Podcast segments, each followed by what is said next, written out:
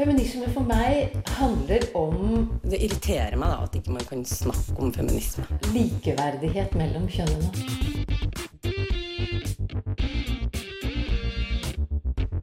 Det blikket på kvinnen på film. Det handlet om å bli tatt på alvor som jente. Du hører på Et eget rom på Radio Nova. De siste åra har minoritetskvinner tatt til motmæle. De har sagt seg lei av en ukultur bestående av negativ sosial kontroll og skamlegging. Men hva mener man egentlig når man snakker om en æreskultur? Hvem rammer det, og påvirker det kjønn forskjellig?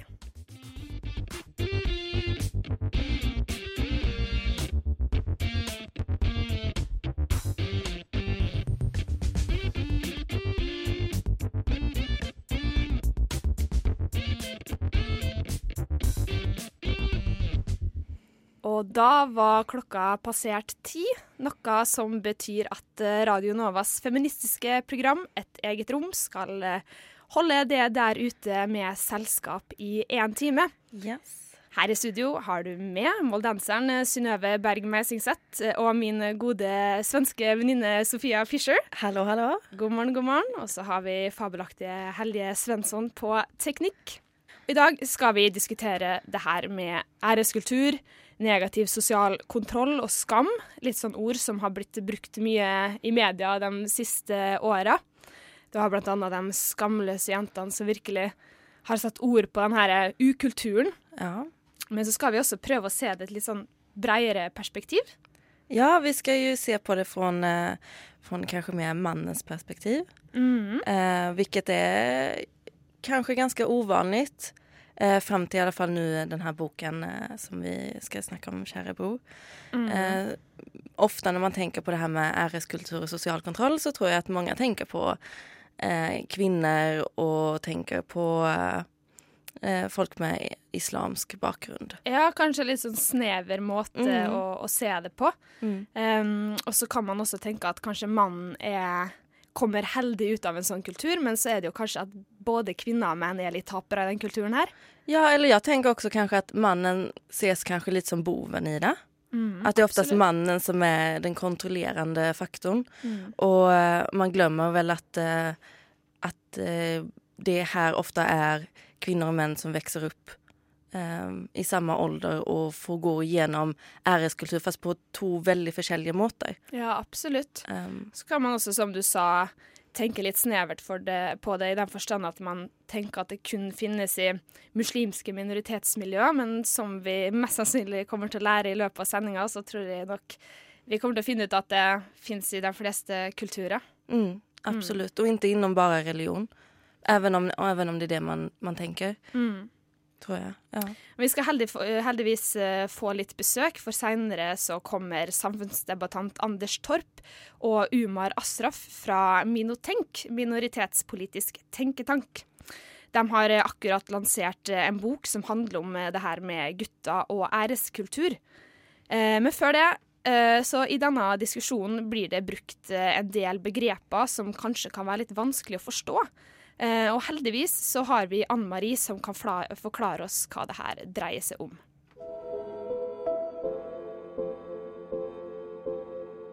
Store norske leksikon definerer sosial kontroll som rammer for individuell atferd som bestemmes uformelt av nære relasjoner som venner eller familie, eller formelt ved politi, rettsvesen eller andre myndigheter. Dette innebærer alt fra barneoppdragelsen til likes på Facebook til de norske lovene. Det er derfor viktig å skille mellom negativ og positiv sosial kontroll.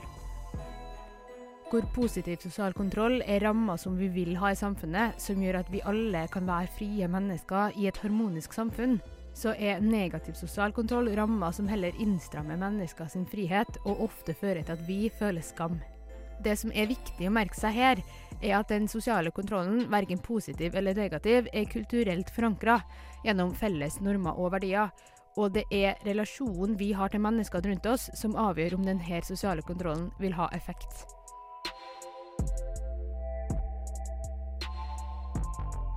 Sjøl om vi finner uformell sosial kontroll overalt, er det spesielt den negative sosiale kontrollen i æreskulturer som har fanga oppmerksomheten til det norske folk de siste årene. Og det har ofte blitt knytta til begrepet skam. Skam i seg sjøl er jo noe vi alle har opplevd.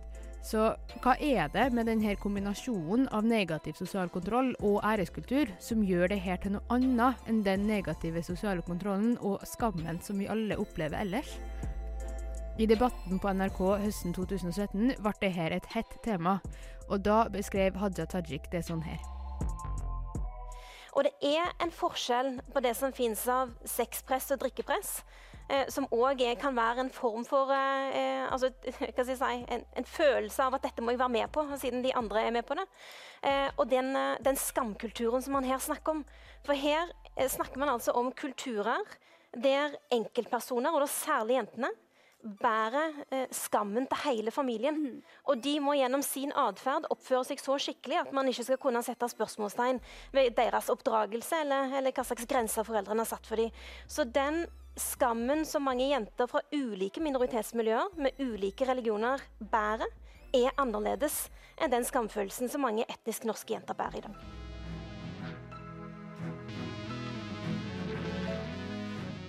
Så det er kanskje denne breie forståelsen av ære som en felles familieeid verdi som gjør negativ sosial kontroll og skam til noe mer i æreskulturer enn det kanskje er i andre kulturer. Denne ideen om at familien sin ære er avhengig av hvordan barna, og da spesielt jentene, oppfører seg, og at skam her kan komme både av å gjøre en handling som storsamfunnet ikke godtar, men òg at den samme handlinga kan påføre familien din skam.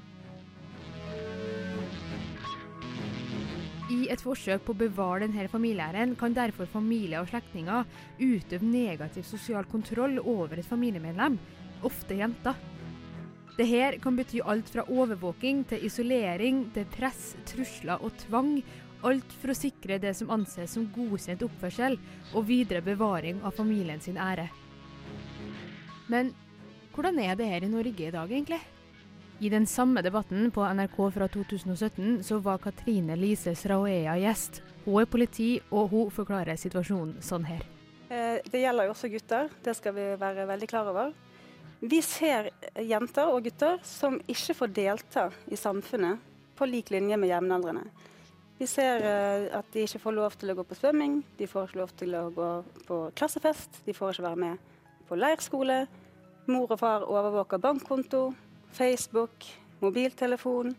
Eh, brødre blir motvillig oppnevnt som voktere til sine søstre og kusiner og slekt. Eh, vi ser familien påføre de skyld, skamfølelse, påstander om at eh, fordi at de gikk med sminke, så er bestemor så trist at hun har fått hjerteproblemer. Altså de spiller på følelser og den lojaliteten og respekten de har til sine foreldre.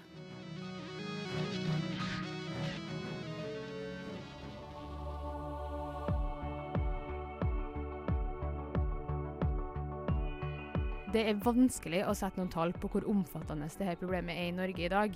Delvis fordi det foreløpig ikke er gjort god nok forskning på området, og delvis fordi det mest sannsynlig finnes store mørketall. Det vi likevel vet, er at det i 2016 var en dobling av antall henvendelser om negativ sosial kontroll til Oslo-politiet. Dette kan selvfølgelig bety at det er en økning i negativ sosial kontroll i samfunnet, men det kan også bety at det er en økning i hvor mange som velger å rapportere det.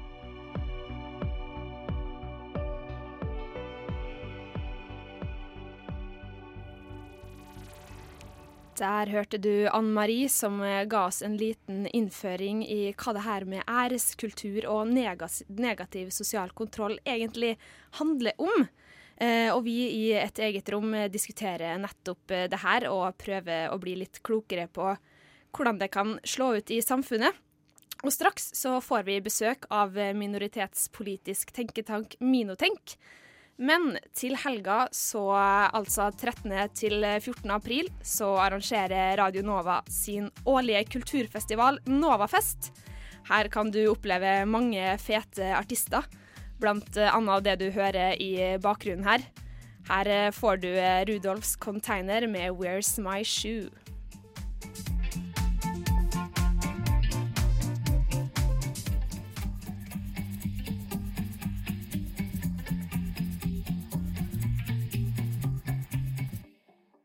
Klokka er iallfall ti, og det betyr et eget rom. Du hører på Et eget rom.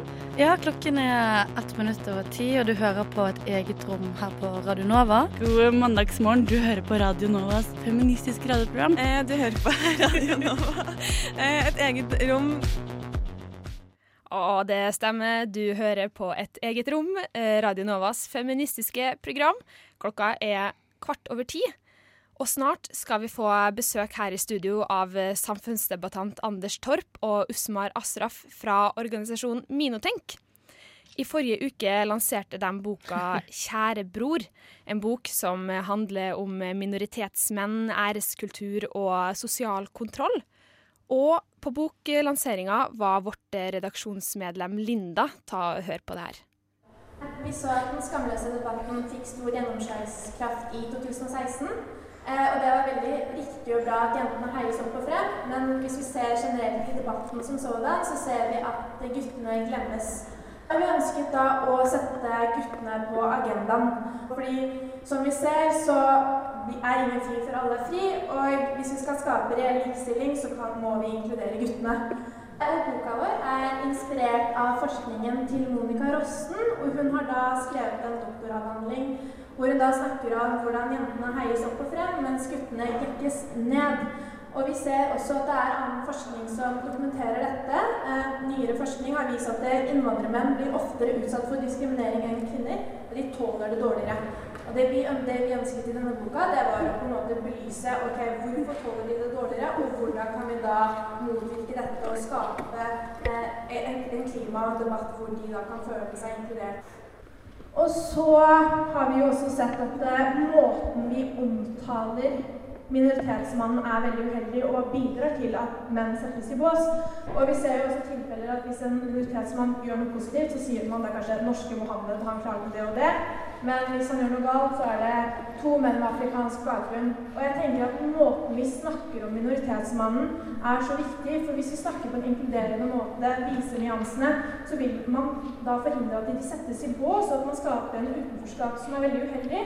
Og det er det vi prøver å gjøre i denne boka. Vi ønsker å vise nyansene, og dette er på en måte vår måte for å ha ytringsansvar. da. Vi har en sterk tro på at vi er inne på noe når vi sier at det finnes en kobling mellom dette utenforskapet og det ekkokammeret disse guttene befinner seg i, og at de fortsetter å opprettholde sitt verdisyn. Og dermed så lever da ulikestillinga i beste velgående, holdt jeg på å si, eller ja, den verste form er vel bedre å si. Men poenget er jo egentlig at til ikke du får deg en utdanning, til ikke du blir eksponert for meningsbrytning, så vil du på et eller annet punkt kanskje bare fastholde ved det du har lært, eller for den saks skyld det du klarer å finne på YouTube av grumsete ukultur. Så er et annet veldig interessant og viktig poeng i boken, det er jo begrepsbruken politikernes begrepsbruk. Hva er negativ sosial kontroll, og hvordan skiller det seg fra vold i nære relasjoner? Hvorfor snakker vi om eh, likestilling i innvandrermiljøene og likestilling i det norske samfunnet som to parallelle løp? Noen ting er kanskje kulturelt betinget, andre er kanskje ikke det. Og vi har, nemlig jo flere eksempler på det vi mener er tegn på ære og skam og negativ sosial kontroll i det norske majoritetssamfunnet, men som kanskje ikke får like mye omtale. Det er deling av nakenbilder, et så sinnssykt seriøst problem. Det blir ikke omtalt som negativ sosial kontroll. Men vi vet at skam er en stor del av at dette foregår, og dette foregår på beste vestkant. Og vi vet jo at makt og manipulasjon er en del av dette. Vi kunne også trekke inn eksempler fra metoo-debatten. Og hva skiller seg fra overgrepene som befant seg i Köln, kontra metoo-debatten? Hvorfor er minoritetsmannen så kollektivisert i omtalen, mens metoo-debatten ser på individene. Ja, der hørte du et utdrag fra boklanseringa til boka 'Kjære bror', som var torsdag i forrige uke. Og nå har vi fått besøk her i studio. Velkommen, Omar og Anders. Takk. Um, jo, takk. Omar, du jobber i Minotenk. Hva, hva er det for noe? Minotenk er en eh, minoritetspolitisk tenketank eh, som jobber løsningsorientert med problemstillinger og utfordringer i det flerkulturelle Norge. Vi er en eh, nettverksplattform for unge mennesker på tvers av etnisk og religiøs bakgrunn. Eh, vi har et engasjement for demokrati og likestilling og eh, menneskerettigheter, og det er sentralt i, i, vårt arbeid. Og så er vi opptatt av å styrke minoriteters tilstedeværelse og deltakelse i uh, det offentlige rom. Vi jobber da ut ifra FNs menneskerettighetserklæring og er uh, partipolitiske uavhengige. Ja, så dere mm. jobber egentlig sånn politisk med spørsmål knytta til ulike minoriteter, da? Ja, Vi prøver jo også å påvirke eh, politikken som utformes, som, som eh, omfatter og rammer eh, minoritetsbefolkningen. ja, ikke sant. Mm. Og Anders Torp, hvem er du? ja, nei, jeg er i hvert fall en person som er veldig opptatt av barns rettigheter, og barn som ikke har det bra i usunne eller skadelige norske kristne trossamfunn. Eh, det var bl.a. grunnen til at jeg eh, har fortalt min historie i dokumentarboken dokumentarboken 'Jesusulaten', gutten som skulle vinne landet for Gud, som utkom i mars 2016. Eh, og så holder jeg også foredrag og forteller om mine erfaringer og oppveksten. Eh, og så har jeg også vært med i, eh, som medforfatter på Kjære bror og skrevet et kapittel som får fram undertrykt seksualitet, og hvordan normal seksualitet blir demonisert i enkelte kristne trossamfunn. For å også få fram negativ sosial kontroll, som ikke bare da skjer i innvandrermiljøer, men som også skjer i norske kristne miljøer. Mm. Ja, for nå er det gitt ut en bok uh, som heter Kjære bror. En bok med veldig, veldig mange forfattere. Hvor mange forfattere er det egentlig? Eh, boken har 21 eh, forskjellige forfattere, uh, som består av alt fra samfunnsdebattanter, uh, kulturpersonligheter. vi har en forsker som skriver forordet, som også har vært Monica Rossen, som har vært en del av, av inspirasjonsgrunnlaget til boken. Og Monica hun eh, eh, har jo forsket eh, på Furuset og har også vært da ungdomsarbeider i området. Og det hun finner gjennom sin forskning, er jo at man har fått en veldig skjønnet forståelse av, av utfordringene når det kommer til æreskam og negativ sosial kontroll i minoritetsmiljøene. Så det hun eh, ser, er jo at uh, mens man var opptatt av at uh, Eller pedagoger og ungdomsarbeidere, mens man var opptatt av å legge til rette for at jentene skulle lære seg å ta mer plass, altså man satte i gang aktiviteter for jentene, så, så satte man i gang sinnemestringskurs for guttene. Uh, og i den tilnærmingen da, så begynte hun også etter hvert å se at eh, hun, de var kanskje med på å opprettholde de strukturene som de prøvde å motkjempe. Mm. Uh, og, og, slik fikk på en måte ulikestillingen vedvare. Um, og det var jo litt kanskje metakommunikasjonen i det. da, ikke sant? Hva er, hva er, det, man, hva er det man forteller guttene? Uh, hun bruker begrepet at guttene fikk beskjed om å jekke seg ned. Uh, om det så var direkte eller indirekte. Og dette var jo noe som jeg kjente meg igjen i uh, veldig mye uh, fra min egen oppvekst. Um, og ble liksom det, det, det, Derav ble dette kanskje grunnlaget da, for, for, bokprosjektet. Men så må jeg jo si at dette var kanskje bare spiren. ikke sant? Når du kommer i kontakt med 21 mennesker med forskjellige erfaringer og bakgrunner, så, så får du inn helt fantastiske nye perspektiver på dette. og prosjektet er blitt så mye mer enn det man så for seg eh, til å starte med. Ja, ikke sant. Og begge dere to har jo bidratt eh, med tekst i boka. Um, og kan man si på en måte at det overordna temaet er Er det minoritetsmannen? Er det, er det æreskultur? Um, det er ære, skam, sosial kontroll og inkludering i et minoritetsmannsperspektiv. Og så gjør Altså en av de tidligste tekstene i antologien eh, tar jo opp 'Hvem er minoritetsmannen?' Og der eh, utvider han jo litt sånn vår begrepsforståelse av det, hvor han sier at dette handler om både jøder, kristne, eh, buddhister, og ikke bare muslimske menn. Ja, um, og derav så blir jo uh, Anders sin tekst veldig veldig interessant, fordi at det Anders trekker inn også er jo um, hva skal man si, uh, ikke bare skjønnsperspektivet, men også uh, det vi har begynt å bruke som ja, vi, vi, sier at det er blitt en etnifisert debatt, hvor man har en tendens til å overfokusere på minoritetsproblemer. Eh, og kanskje dermed også ender opp med å ignorere generelle utfordringer i det norske samfunnet, likestillingsutfordringer i det norske samfunnet. Ja, ikke sant. Vi skal gå inn på akkurat det her både med, med kjønn og ulike grupper, og hva man kanskje forbinder æreskultur med. Men før det så må vi høre på en uh, litt musikk. Her får du en av mine favorittartister for tida. Hun heter OK Kaya, og her får du sangen 'Dance Like You'.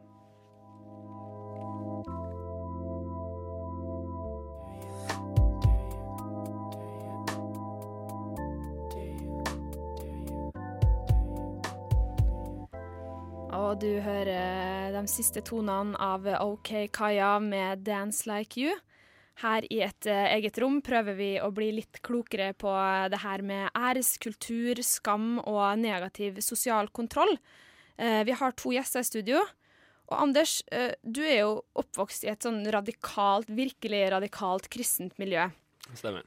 og snakka litt om egne erfaringer knytta til det her med æreskultur og sosial kontroll. Men skal jeg være helt ærlig, så forbinder jeg disse ordene, altså æreskultur, skam og sånn Altså, jeg tenker automatisk på muslimske minoritetsmiljøer. Hvorfor gjør jeg det? Jeg vil nok anta at det er fordi man har lest såpass mye om det i media spesielt. Men eh, sosial kontroll i seg selv, hvis man tar bort det ordet negativ sosial kontroll, så er jo det som noe som finnes overalt, og som også kan være både noe positivt eh, og også noe negativt. Eh, oppdragelse i seg selv er jo sosial kontroll. Så og ja. Men hvis man skal uh, snakke om uh, negativ sosial kontroll, så finnes jo det overalt òg. Du har jo uh, bare i vanlige norske hjem som det kan være vanlig at foreldre nekter barna sine for å gifte seg med den og den hudfargen f.eks., eller den og den typen person. du har ja i Eh, eller folk som blir nekta å studere eh, visse ting, f.eks., eller visse typer type jobber. Eh, og i ja, muslimske miljøer eller i innvandrermiljøer så har det jo noen typer, men også, ikke minst i norske kristne miljøer, så har det jo mye sosial kontroll. Hva kan være eksempel på det, da? Som du har jo personlig erfaring. så du... Ja. Et eksempel som jeg skriver nesten hele kapittel om, det er jo hvordan min normale seksualitet og min seksuelle oppvåkning i tenårene var noe som blei demonisert. Jeg trodde at seksuelle følelser var noe som kom fra demoner og helvete for å forføre meg bort fra Gud.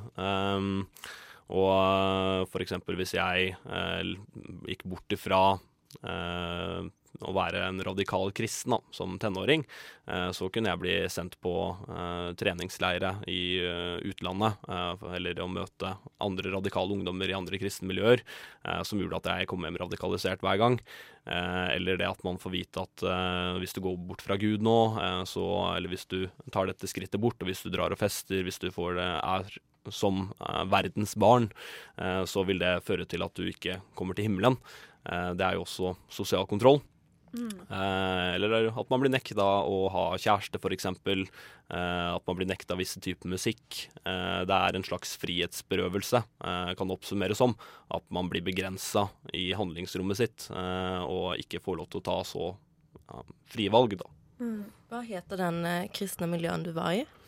Uh, ja, den første menigheten som uh, ble starta fra uh, ja, slutten av 90-tallet til 2000-tallet, het Seikirken. og så var det Oslokirken som ble stifta i ja, tidlig 2000-tallet. og så forlot jeg jo dette miljøet da jeg da var 19 år, og det var da i 2008. Mm. Men kan man da si at det kanskje er et litt overfokus, eller kanskje et overfokus på muslimske minoriteter, eventuelt et eh, underfokus, for lite fokus på andre minoriteter? Ja, eh, det vil jeg si meg enig i. Ja. Eh, hvorvidt det er overfokus eller underfokus, det ja. Men eh, det burde uansett komme fram eh, mye mer at sosial kontroll og negativ sosial kontroll er noe som gjelder alle aspekter i samfunnet. Også æreskultur eh, er ikke noe som er fremmed i norsk kultur heller. Eh, det fins jo overalt, og det er en del av å være et menneske. Det er det å kjenne på å få krenka æren sin, eller krenka familiens ære. Om eh, du har et familiemedlem som har sittet i fengsel, så dysses jo det som regel ned. Eh, eller f.eks. om Ja, det er jo også flere tilfeller av at seksuelle overgrep og incest skjer i en familie, og at man resten av familien ber personen ja, holde kjeft om det, ikke si noe om det. Eh, nettopp for å gjøre det lettere for den personen som har begått dette. Eh, og man snakker jo om eh, seksuelle overgrep og incest og voldtekt i, eh, i kristne trossamfunn, eh, i sekter og den type ting. Eh, men det blir jo, og at det blir dyssa ned og problematiserer det, men det blir jo problematisert mange flere steder i samfunnet enn bare i sekter, f.eks., eller i muslimske trossamfunn. Jeg vil, jeg vil, eh, bare trekke det litt lenger også, for jeg tror at det ikke bare foregår i religiøse miljøer. Nei, nei, nei. Um, og det er liksom flere eksempler på hvordan skam, ære og, og negativ sosial kontroll også finnes generelt i majoritetssamfunnet. Uh, vi hørte litt sånn innledningsvis, uh, litt det jeg sa på lanseringen også. Det er jo eksempler på uh, rotnorske menn som reiser ned til Thailand og gifter seg. Uh, for så også bytte ut sitt, uh, sine ektefeller rett før oppholdstillatelsen går ut. Og de kvinnene er jo også subjekt for en form for sosial kontroll. Um, og makt og manipulasjon er en stor del av deres hverdag. disse kvinnene er jo ofte, fungerer jo nærmest som hushjelp for disse mennene.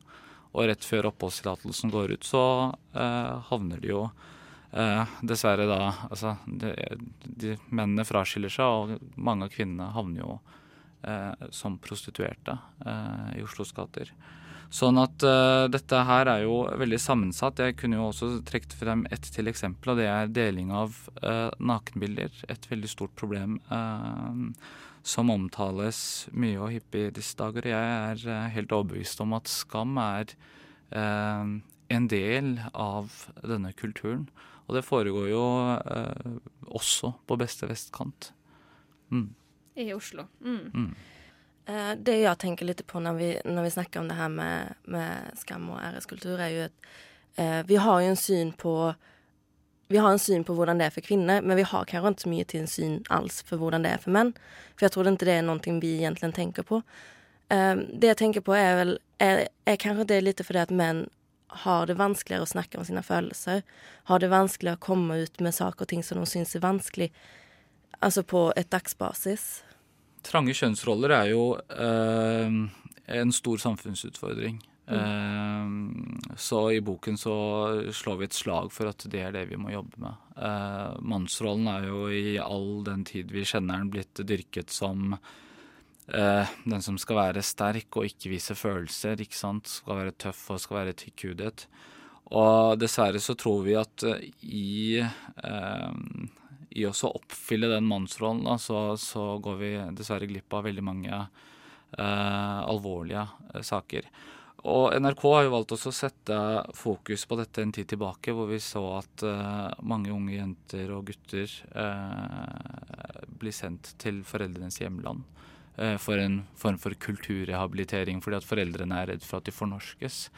Og der blir det jo slått og lenket fast. Eh, men vi har også hatt eksempler av gutter som er, eh, har det så strengt fordi at skolepresset er enormt. At det tar helt overhånd, og de har strenge innetider. Men også litt det med ikke sant? Vi snakker så mye om tvangsekteskap, og så snakker vi om, om jentene som er utsatt for det.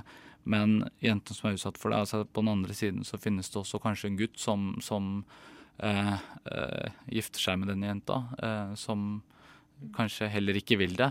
Men det er noe med at eh, eh, ikke sant? Det, det, er liksom forventninger da, om at han har et ansvar om å føre familien videre. Eh, og derfor så er det liksom ikke noe tvang, derimot nærmest hans privilegium. Eh, å ha disse forventningene knyttet til seg. Mm. Så, så, det handler mye om, om, om skjønnsroller og hvordan eh, vi som et samfunn kan bryte dem ned. Mm. Og vi er, vi er, jo et uh, feministisk program, så det her med kjønn skal vi selvfølgelig gå mer i dybden på. Men vi må ta en liten pause med litt god musikk. Her får du Amber Clouds med 'Perhaps Tomorrow', som også skal spille på Novafest til helga.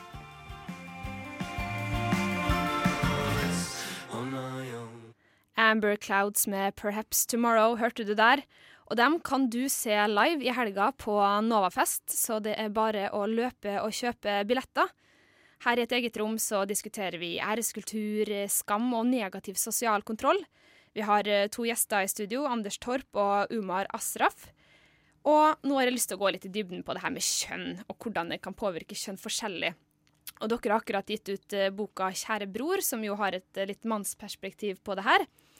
Og på Facebook-arrangementet til um, av denne boka, så står det, som ja, skrevet av, av Mino Tenk, da. Mannsrollen er i krise. Det er større forventninger til han enn noen gang.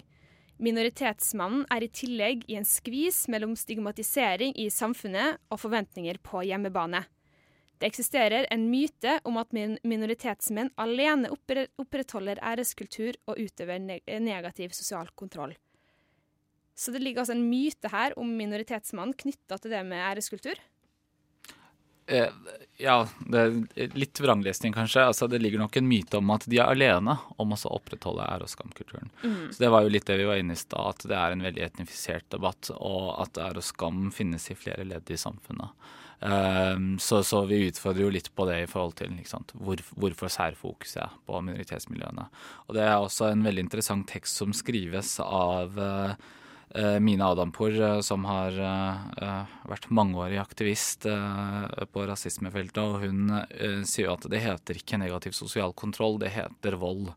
Og hun stiller jo noen betimelige spørsmål rundt hvorfor man har to parallelle løp, hvor man har handlingsplaner og, og et politisk fokus på likestilling i innvandrermiljøene.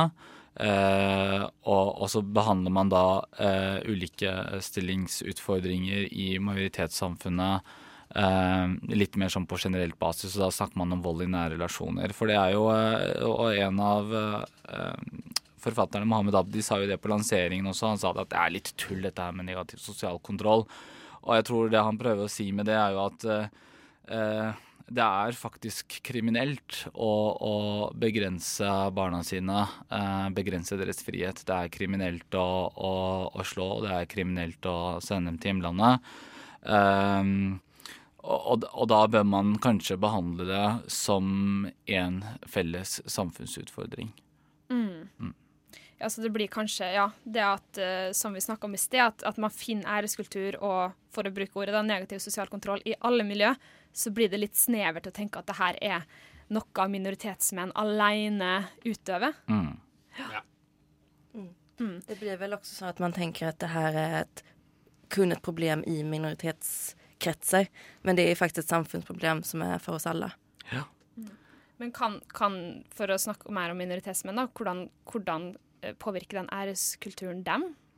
Jeg tror at minoritetsmannen på et generelt basis opplever muligens mer frihet. Jeg vil ikke si muligens, jeg tror nok han opplever mer frihet enn minoritetsjenta i hjemmet. Eh, men så er vi inne på også at denne friheten har sine konsekvenser, den også. Eh, og at eh, yrkesvalg, valg av ektefelle og prestasjonsjag er en realitet for minoritetsmenn også. Uh, og så er det liksom, som jeg var inne på i stad, at det er liksom forventninger om at han har et ansvar. Uh, og derfor så er det gitt at det er hans privilegium da, ikke sant, å gifte seg med jenta som foreldrene velger. Uh, men også en, eh, et utdanningspress. Eh, ja, skyt inn. Trodde, ja, nei, det, det, du sier nå er, er, veldig bra, fordi vi skal høre et lite klipp, klipp eh, om akkurat det her. Mm. For eh, på lanseringsfesten til, eh, til boka så snakka Naviot Sandu om det her med minoritetsmannen og hvordan knipe han kan stå i. Bare hør på det her. Jeg har prøvd å, å, altså, skrive om den broren da, eh, som har klart seg. Han har en utdanning, han er forlova, perfekt dame og på en måte oppfylt alle disse kravene eh, som storsamfunnet forventer. Og Noman var litt inne på det i starten. Han er litt konge. Og det koster å være konge. Eh, og det er de refleksjonene som jeg føler man ofte ikke ser i media. Ja, minoritetsmenn slipper lettere unna. Eh, man kan ofte være i flere forhold. Det er lov å tabbe seg ut, eh, og fortsatt så er det ikke de samme sanksjonene. Denne mannen som jeg skriver om, det er en fiktiv historie, men han drar nok og nyter også av de godene. Men samtidig så, så skaper det en indre konflikt. Og det er den konflikten som jeg prøver å reflektere litt, litt rundt. da. Denne mannen har to måter, eh, måter, å kategorisere kvinner på. Det er da konematerialet, den han er forlova med. Og så er det da tidsfordrivet, som er alle de andre som han har sammen med, men som han ikke gifter seg med. Uh, og det er litt sånn som han, han ser, ser, samfunnet. Men det som på en måte kanskje er litt fascinerende, er at de damene som han ser på som tidsfordriv, det er ofte de han gjenkjenner seg best i. Men hun som han har valgt å dele hele livet sitt med, hun er han ikke trygg nok på til å dele sine intime tanker, lyster og behov. Så tenkte jeg kanskje at jeg skulle uh, snakke litt rundt det som gjør at hun er så distansert til veldig mange av sine nære forhold. Altså forhold til familie, forhold til ektefelle. Og det er nok den oppdragelsen han har hatt. At han har rett og slett ikke fått de verktøyene gjennom, uh, gjennom barndommen. At det er greit, greit for en mann å å oppføre seg akkurat sånn som han vil. Og så får du bare beskjed om at eh, nå må du ikke gjøre dette her igjen, uten at det på en måte stilles noen mer krav videre. Og han nyter godt av friheten i det patriarkalske samfunnet. Men det ender opp med at intimt med sin partner så klarer han aldri å åpne seg. Og partneren hans klarer heller ikke å åpne seg. Og de, de begge lever et dobbeltliv eh, på hver sin måte, med hver sine konsekvenser, i et glasshus. Så er liksom godt å titte litt inn i det glasshuset, men da sett fra mannens øyne, som jeg syns har vært kjempespennende. Og ikke minst se litt på det krysspresset som også menn møter på i intimitet. Eh, I mangel på å ikke klare eh, å sette uttrykk på hva man egentlig føler.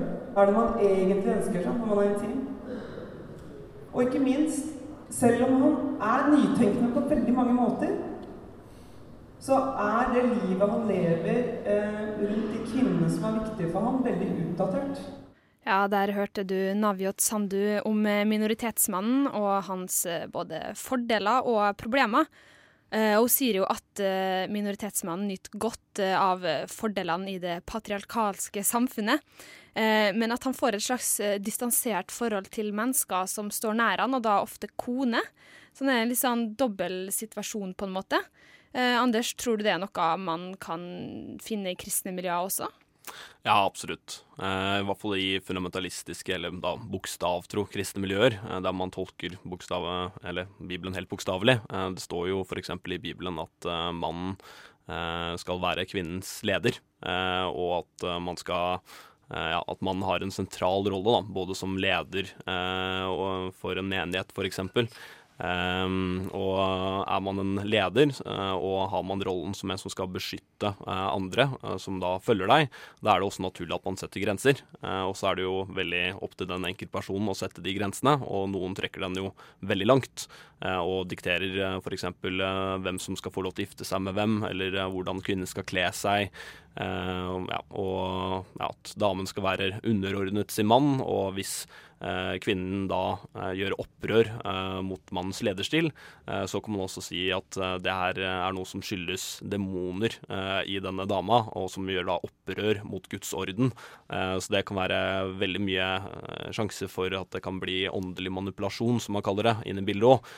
Der man får veldig stor kontroll da, og makt over de personene som man leder. Og også da i et hjem også, der hvor mannen blir sett i som den personen som skal lede, og kvinnen skal underordne seg og lystre.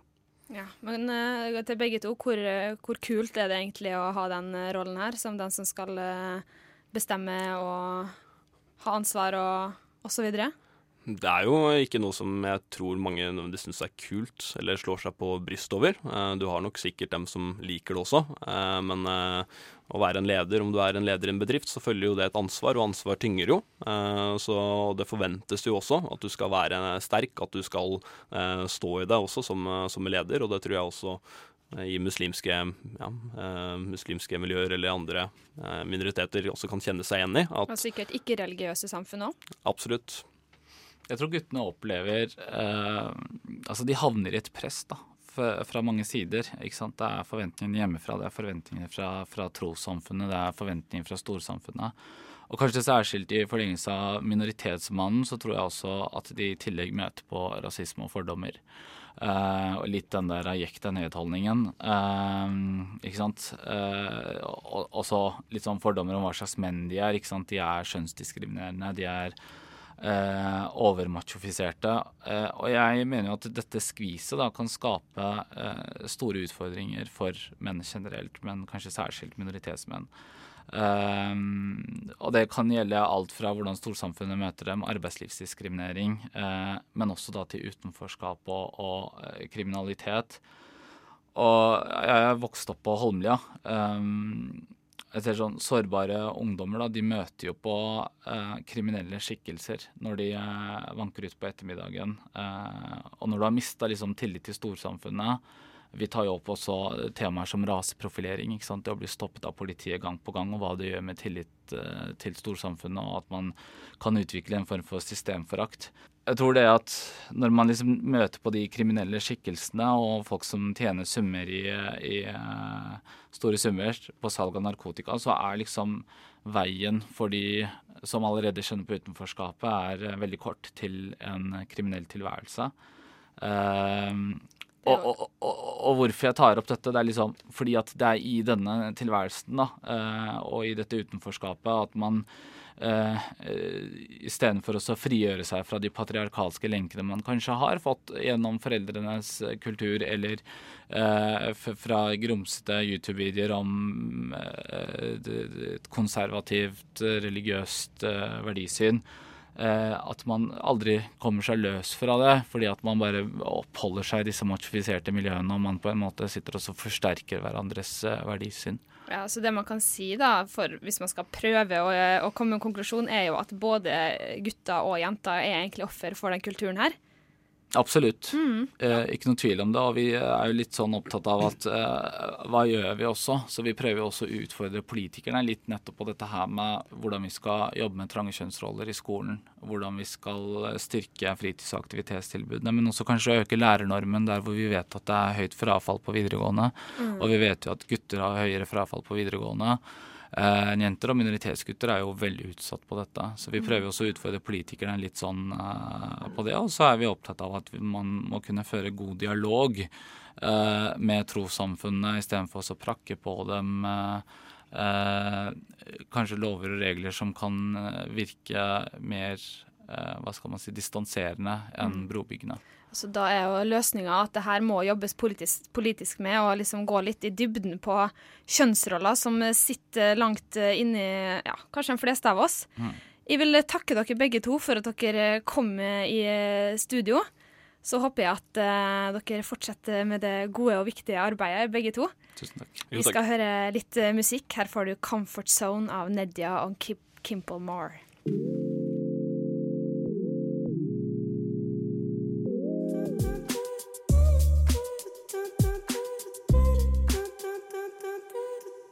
Nedia og Kipplemore med 'Comfort Zone'. Hørte du der? Her i studio hører du med Synnøve Berg Meisingseth og Sofia Fischer. Ja. Har akkurat hatt besøk. Det har vi. Mm, fra Minotenk. Mm, minoritetspolitisk tenketank. Mm. Har du fått noe ny lærdom, eh, føler du, om det her med æreskultur? eh, det var utrolig interessant å få det fra et annet perspektiv. Jeg tror det er noe vi absolutt trenger for å få en mer nyansert debatt kring det här med æreskultur og sosial kontroll. Mm. Eh, jag tror debatten har vært veldig ensidig i, veld, i veldig lang tid. Uh, og det er veldig godt å se at det er menn som kommer frem og står opp og faktisk har lyst til å ta del av debatten og har en så god poeng, og det er så viktig. Ja, at det er en felles kamp her mellom mm. kjønna, da, fordi som det ble konkludert med, så rammer det jo begge. Nettopp. Begge er på en måte offer for en skikkelig skikkelig ukultur. Ja, og jeg tror man tenker at det ofte at det er en som har kommet ut som vinner, og en som har kommet ut som forlorer. Men det er faktisk ikke så det ser ut i det hele tatt. Utan eh, begge eh, kommer ut eh, på en dårlig vis og får eh, ja. Mm. Begge er egentlig tapende ja. parter, da så kan man jo liksom. kanskje snakke om dimensjoner. Eh, litt, kanskje det kan slå ut mer negativt for jenter i det store og hele, mm. men allikevel kunne se at det også er, er skikkelig kjipt for guttene som må Ja, ja, selvfølgelig. Og så vil, vil, du ha en forandring. Vil du at, at disse kvinnene da skal ha det bedre, så må du jo også ta ta det her for mannen også. Mm. Eh, det er så vi får eh, et mer likestilt eh, samfunn som vi snakker masse om her. Ja. du, du må jobbe med begge partner, absolutt. Og det er kjempe det er kjempefint å se at, at det her har blitt en stor greie. At Kjære bror har verket som det kommer å bli en kjempesuksess. Og det er så mange som har skrevet og har lyst til å være med. Mm, det er veldig bra. Vi nærmer oss slutten. Jeg vil bare legge inn en liten musikkanbefaling, for nå skal du få høre Kakao-Simen med Unge appetittvekker. Han spiller på Novafest i helga. Takk for i dag.